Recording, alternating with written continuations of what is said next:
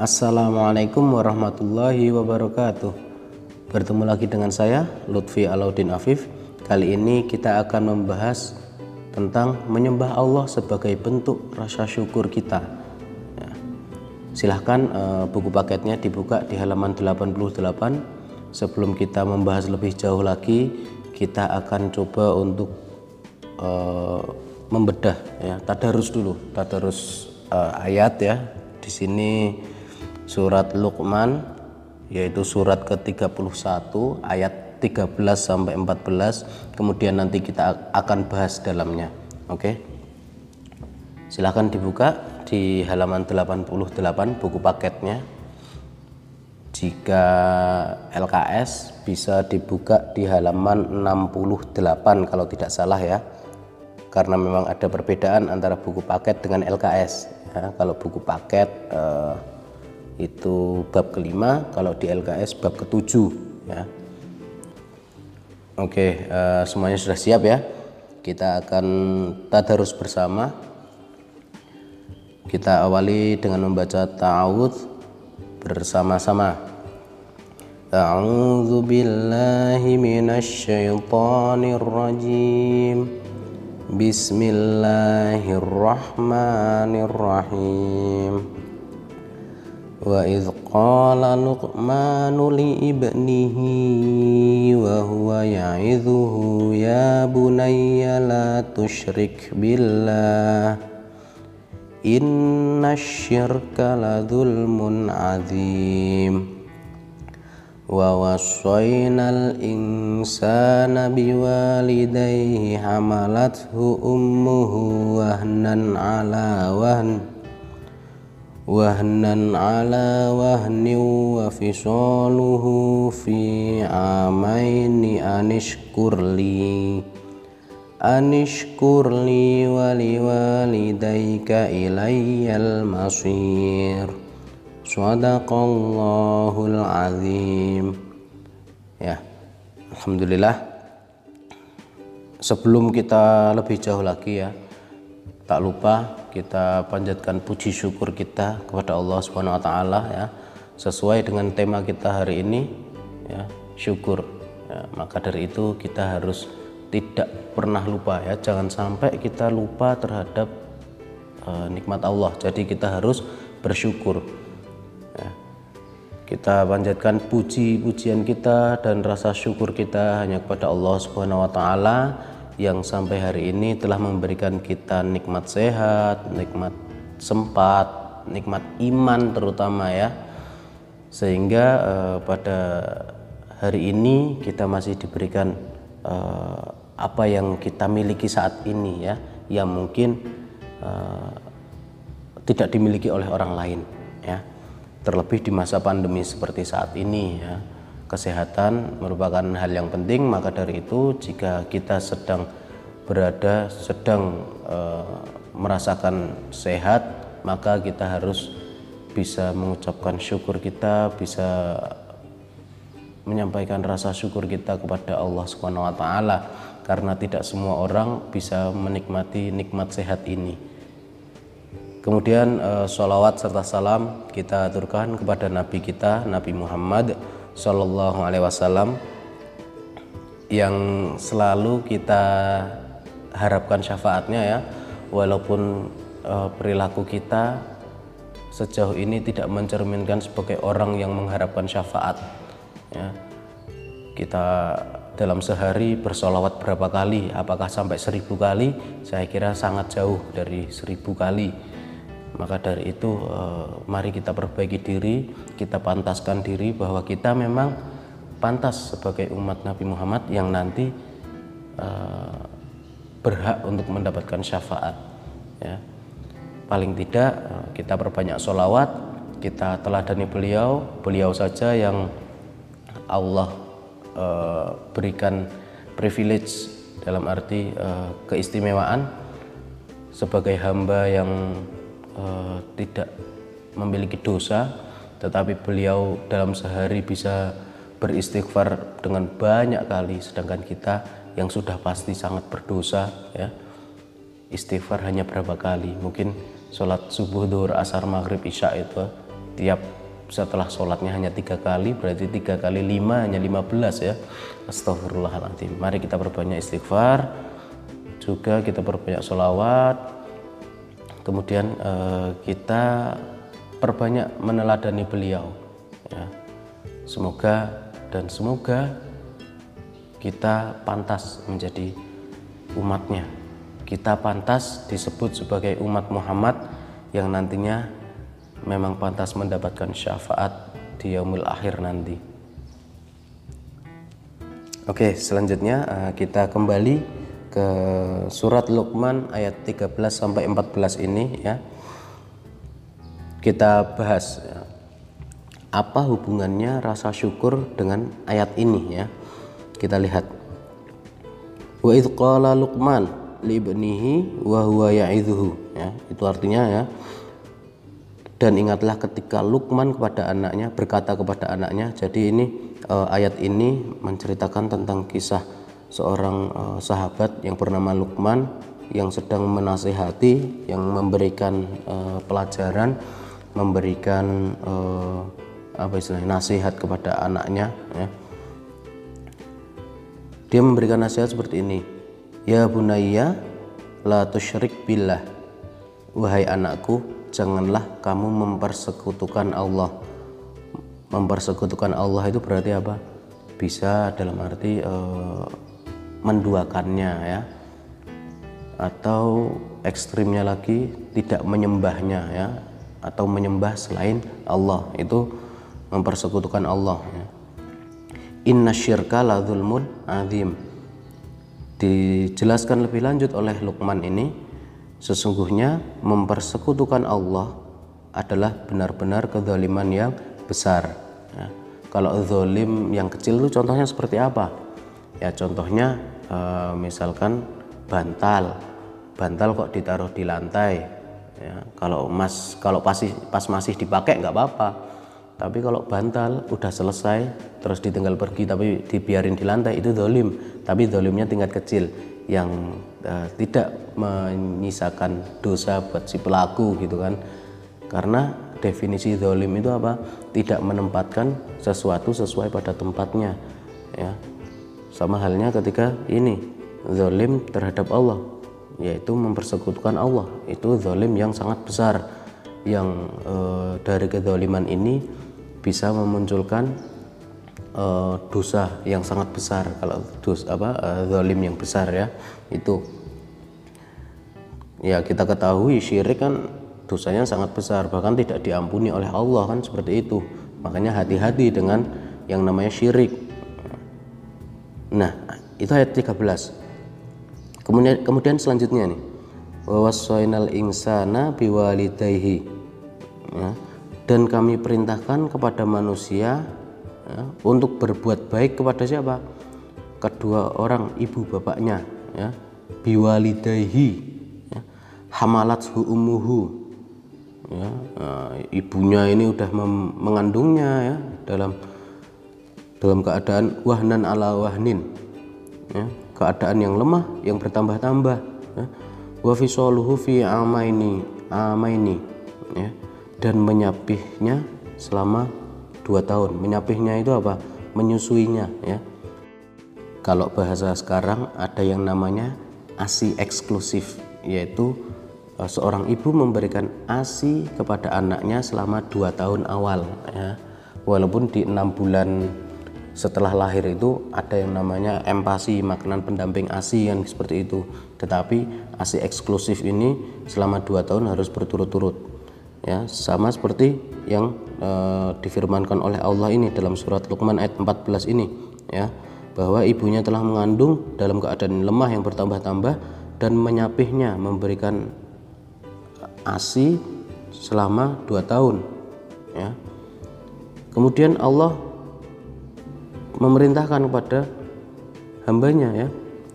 Anishkurli bersyukurlah kepadaku ya. Wali walidaika ilayal masir dan kepada dua orang ibu bapakmu ya. hanya kepada kulah kamu kembali. Itu kata Allah ya.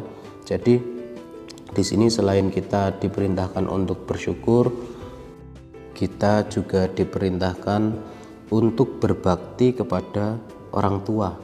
Ya.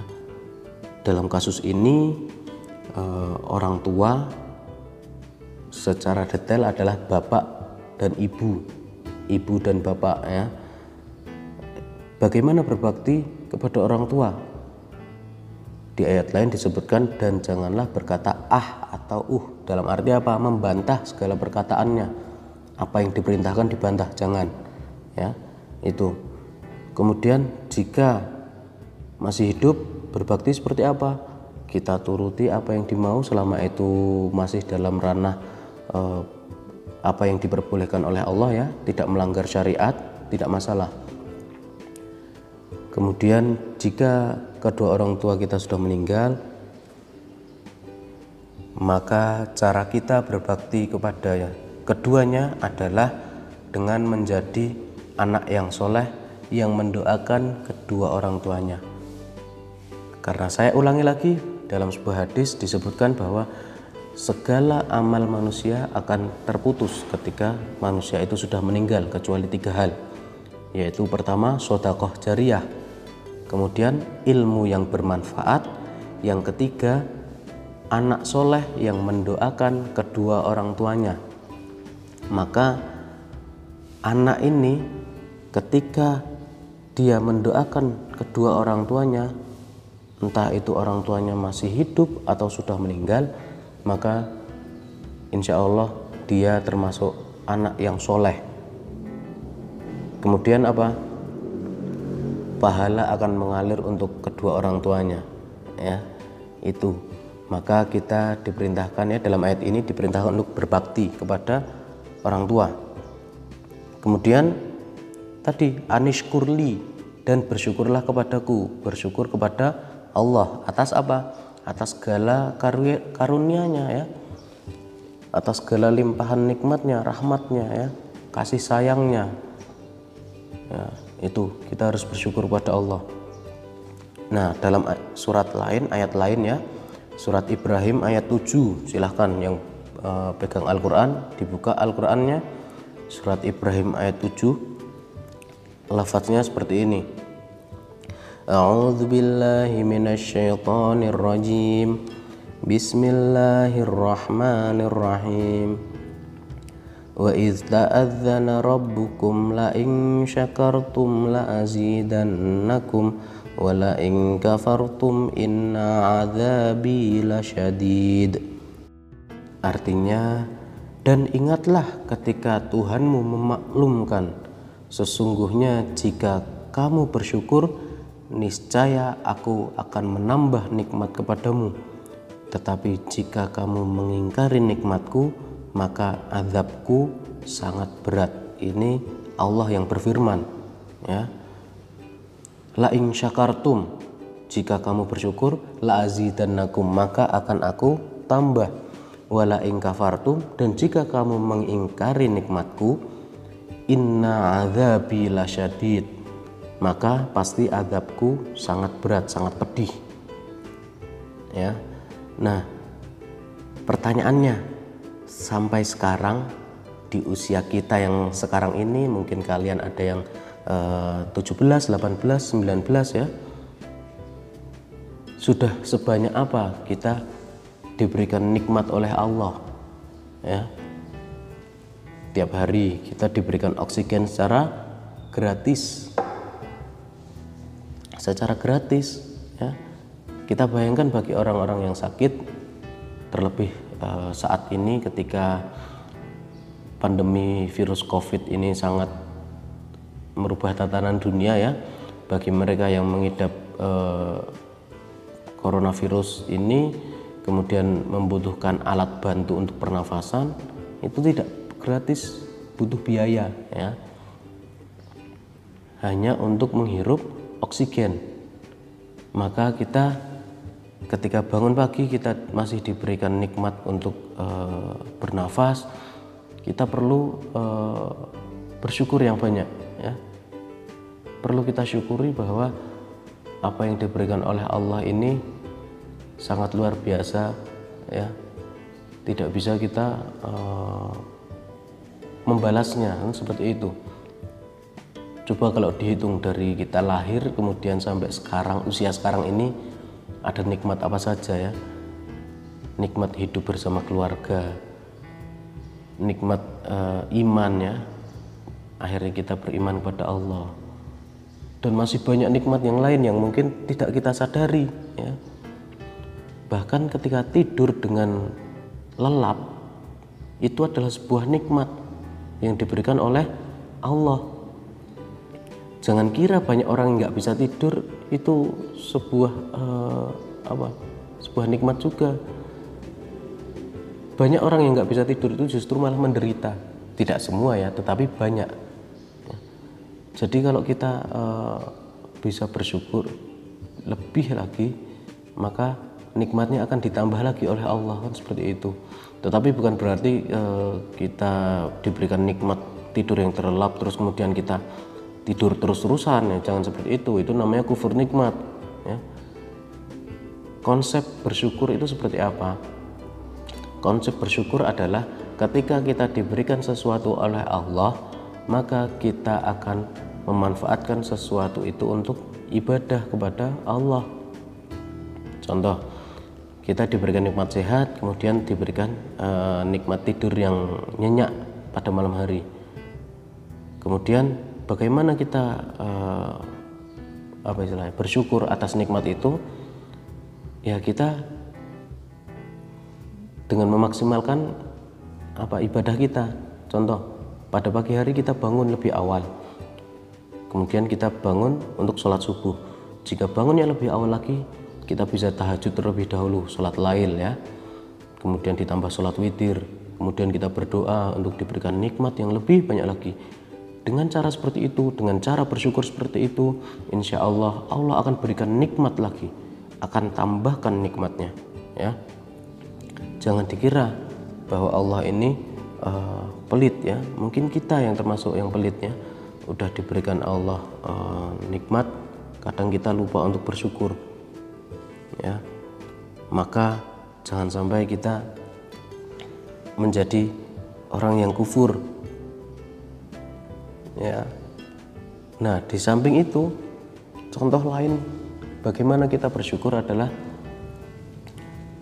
ketika misalkan kita mendapatkan e, rezeki dalam bentuk uang misalkan atau dalam bentuk makanan ya.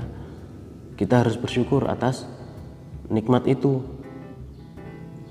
bagaimana cara bersyukurnya selain kita nikmati sendiri nanti selain kita ucapkan alhamdulillah kita juga harus berbagi kepada orang yang membutuhkan. Katakanlah eh, kita bekerja, kemudian mendapatkan eh, honor atau penghargaan 100 ribu. Dalam 100 ribu itu ada hak orang lain yang perlu kita tunaikan. Ya. Tunaikan dua setengah persen, dua setengah persen dari 100 ribu berapa sih? Ya kan? 2500 benar ya? Ya 2500 jadi eh, perlu kita sadari bahwa ternyata kadang kita lalai. Misalkan 100 ribu kita mendapatkan itu mesti dijajak ke kan ngono ya. Seringnya seperti itu kan ya bagi kalian yang tidak ya alhamdulillah berarti sudah sadar kan seperti itu. Tetapi kalau dari 100 ribu itu hanya mengeluarkan 2500 saja kok uh, berat ya apa ya sangat-sangat sulit untuk mensyukuri apa yang diberikan oleh Allah gitu loh. Apa susahnya ya kalau misalkan kalian ada yang pernah mendengarkan uh, podcastnya Deddy Corbuzier ya yang saat itu berbicara dengan komedian senior Haji Bolot beliau mengatakan seperti ini kunci hidup itu ada tiga. Pertama jangan sirik. Dalam arti di sini sirik adalah iri ya iri kepada orang lain ketika misalkan orang lain e, mendapatkan rezeki apa nggak usah iri. Itu punya dia itu hak dia ya sudah kita nggak usah iri yang seperti itu. Kemudian jangan ambisi. Karena ambisi ini uh, indikasinya negatif ya. Ketika kita punya uh, suatu keinginan sering kali kita apa istilahnya perjuangkan tetapi menghalalkan segala cara kan seperti itu. Ambisi. Jangan ambisi ya. Kalau misalkan punya keinginan cukup jadikan impian kemudian susun strategi untuk mendapatkannya. Caranya seperti apa? Tetapi jangan menghalalkan segala cara. Itu. Selanjutnya yang ketiga banyakin sedekah. Kenapa banyakin sedekah atau memperbanyak sedekah? Karena ketika kita bersedekah berarti kita juga membersihkan diri kita menghindarkan kita dari uh, mara bahaya dari penyakit ya. Kemudian kita juga berbagi kepada orang lain. Ketika orang lain itu membutuhkan walaupun hanya membutuhkannya seribu dua ribu itu akan sangat berarti bagi mereka ya. Bisa jadi seribunya kita itu sangat berarti bagi seribu mereka ya. Walaupun seribu kita mungkin hanya alah remeh gitu kan. Ya seperti itu. Tetapi dalam sedekah ini perlu ada uh, tata caranya. Jangan sampai malah riak kan seperti itu sombong menampakkan ini loh aku sedekahan seperti itu. Walaupun tidak diomongkan kan? nah itu ya. Jangan sampai uh, kita memiliki apa istilahnya hal-hal yang men menjerumuskan kita ya. Memiliki sifat yang akhirnya menjerumuskan kita menjadi orang yang kufur ya kan? Siapa sih yang mau mendapatkan azab dari Allah kan seperti itu ya? Nah, sedikit apa pun sekecil apa pun kita bersyukur Allah akan kembalikan kepada kita dengan uh, lebih banyak lagi ya. Karena segalanya itu yang ada di dunia ini yang kita miliki sebenarnya itu bukan milik kita kan seperti itu badan itu bukan milik kita. Badan itu milik Allah ya. Badan kita ya. Kita punya tangan kita punya kaki ya kan? Kita punya mata itu semua milik Allah. Dipinjamkan kepada kita. Maka akan sangat berdosa ketika kita e, menggunakan apa yang dimiliki oleh Allah tetapi digunakan dengan tidak semestinya ya kita punya akal diberikan oleh akal dipinjami lebih tepatnya ya. Kita punya akal tetapi untuk ngakali orang lain ya. Kalau ngakalinya dalam hal positif ya tidak masalah. Tetapi kemudian ngakalinya untuk menghalalkan e, cara agar mendapatkan sesuatu nah itu ya ngakali atau bohongi atau ngapusi ya seperti itu. Itu tidak baik. Kita kita tahu itu. Tetapi yang mengherankan adalah kita tahu itu tidak baik tetapi kita masih sering melakukannya kan seperti itu. Ya. Kita punya akal tidak kita pergunakan dengan baik. Harusnya kita gunakan untuk belajar malah kita sia-siakan kita diberikan waktu sama-sama 24 jam dengan yang lain tetapi produktivitas kita berbeda. Ada yang dalam satu hari sama-sama 24 jam ya. Dia bangun pagi kemudian belajar sholat tahajud kemudian uh, subuh setelah subuh belajar lagi kemudian siap-siap ke sekolah ya sebelum pandemi. Kemudian uh, di sekolah otomatis ya uh, tidak terlambat kan seperti itu maka badan akan lebih fresh kemudian akan lebih produktif harinya ya. Moodnya juga lebih baik. Beda dengan yang uh, bangun juga setengah enam atau jam enam kan seperti itu. Bangun jam segitu kemudian mandi habis itu lupa sholat subuh naudzubillah ya. Karena memang keburu-buru ke sekolah. Setelah itu apa? Setelah itu akan moodnya berbeda. Terburu-buru ya kan? Kemudian untuk belajar juga uh, amburadul karena moodnya sudah beda kan seperti itu. Ya. Berbeda produktivitasnya. Itu sebelum pandemi. Kalau pandemi ya beda lagi. Ada yang misalkan malamnya dia begadang entah itu main Mobile Legend atau PUBG Mobile atau game-game lain yang kemudian membuat dia begadang lalu eh, tidak tidur ya namanya begadang ya tidak tidur kan seperti itu. Kemudian paginya bangun kesiangan padahal paginya harus pembelajaran jarak jauh ya. Akhirnya apa? Tidak hadir di pembelajaran itu tidak mendapatkan ilmu. Ya. ada juga yang cuma sekedar hadir tetapi tidak melaksanakan uh, apa yang diinstruksikan oleh guru ya. misalkan guru minta untuk uh, mengerjakan tugas ya, dia akan karena moodnya beda dia pasti mikir ah yang penting selesai. Akhirnya nyontek punya temennya. Ada yang seperti itu? Wallahu a'lam. Introspeksi diri saya tidak mau menunjuk siapa siapa seperti itu. Tapi saya yakin pasti ada ya memang berat tetapi salah satu cara kita untuk bersyukur adalah dengan memaksimalkan apa yang diberikan oleh Allah kita diberikan akal yang sehat, akal yang uh, luar biasa sehat ya, harus kita maksimalkan. Kita diberikan oleh Allah keterampilan yang luar biasa, harus kita maksimalkan. Kita diberikan rezeki nikmat sekecil apa pun harus kita maksimalkan. Jangan sampai kita menjadi orang yang kufur nikmat karena tidak ada yang mau mendapatkan azab dari Allah ya. Itu. Pada dasarnya eh, bagaimana kita bersyukur? Sudah saya jelaskan tadi tetapi hikmah kemudian manfaat ya. Sebenarnya ketika kita bersyukur maka kita akan mengerti bahwa kita ini tidak ada apa-apanya ya di hadapan Allah. Semua orang derajatnya sama di hadapan Allah. Yang membedakan apa? Ketakwaan kepada Allah. Ya.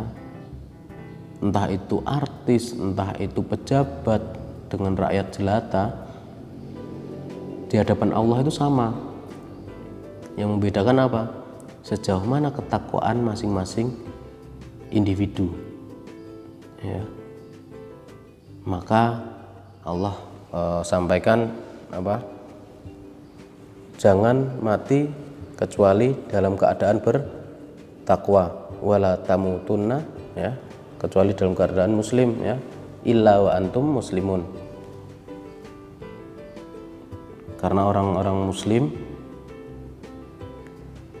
sudah sepantasnya menjadi orang yang bertakwa sudah seharusnya ya.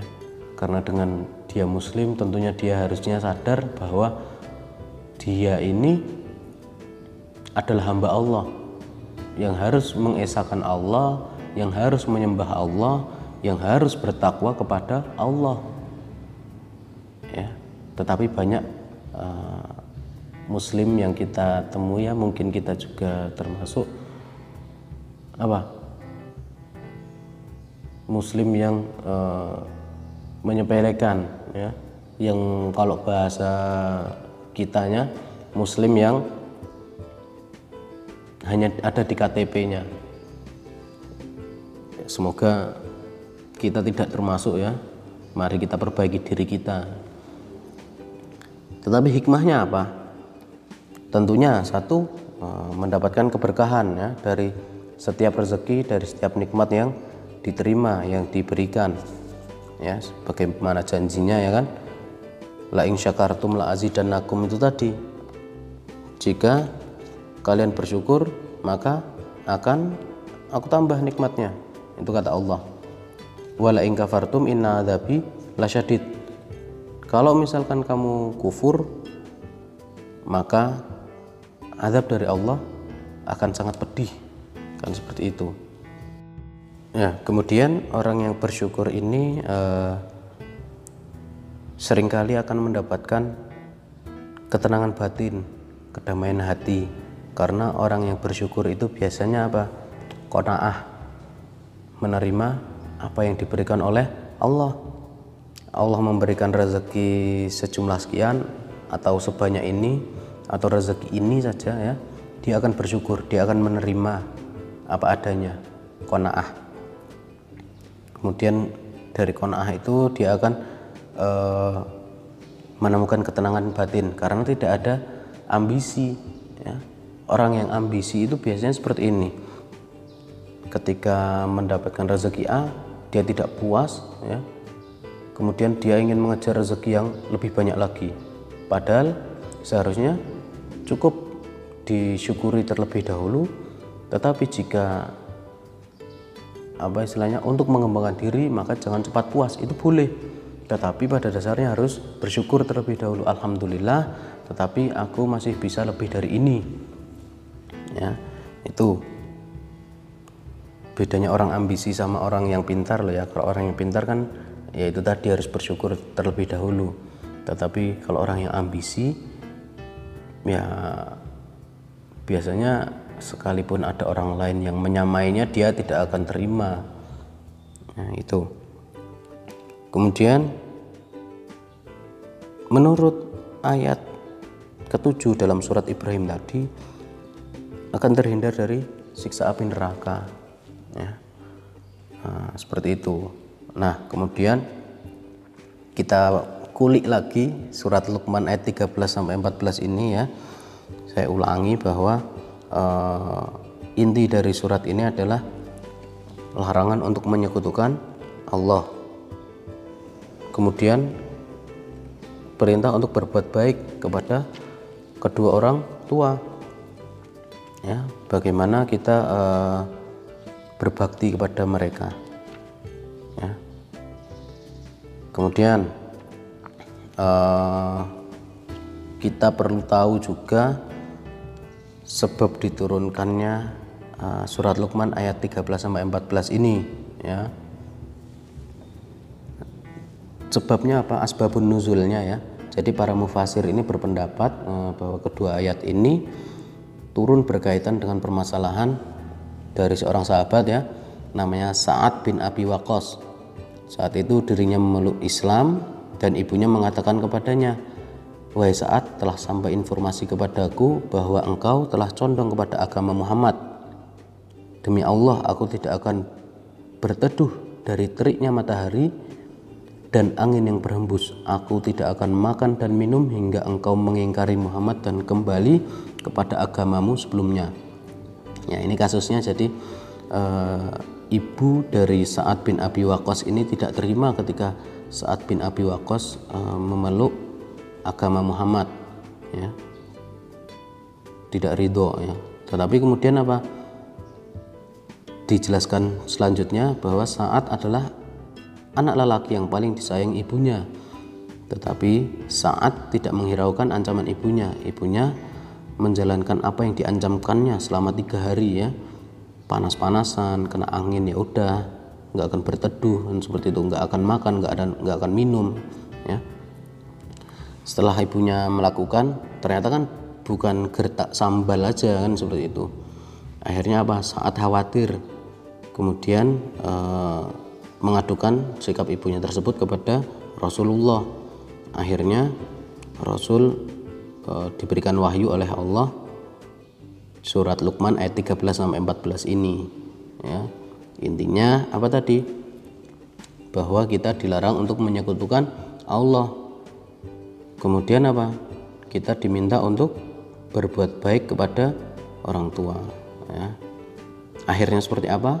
Bisa dicari di uh, kisah Nabi, uh, kisah-kisah orang terdahulu ya, kisah para sahabat ya seperti itu. Nah tapi Lukman ini siapa sih? Ya. Nah kalau uh, dalam surat ini Lukman ini uh, masih ada yang memperselisihkan identitasnya ya. Kalau orang Arab itu mengenal dua tokoh. Pertama Lukman ibnu Ad.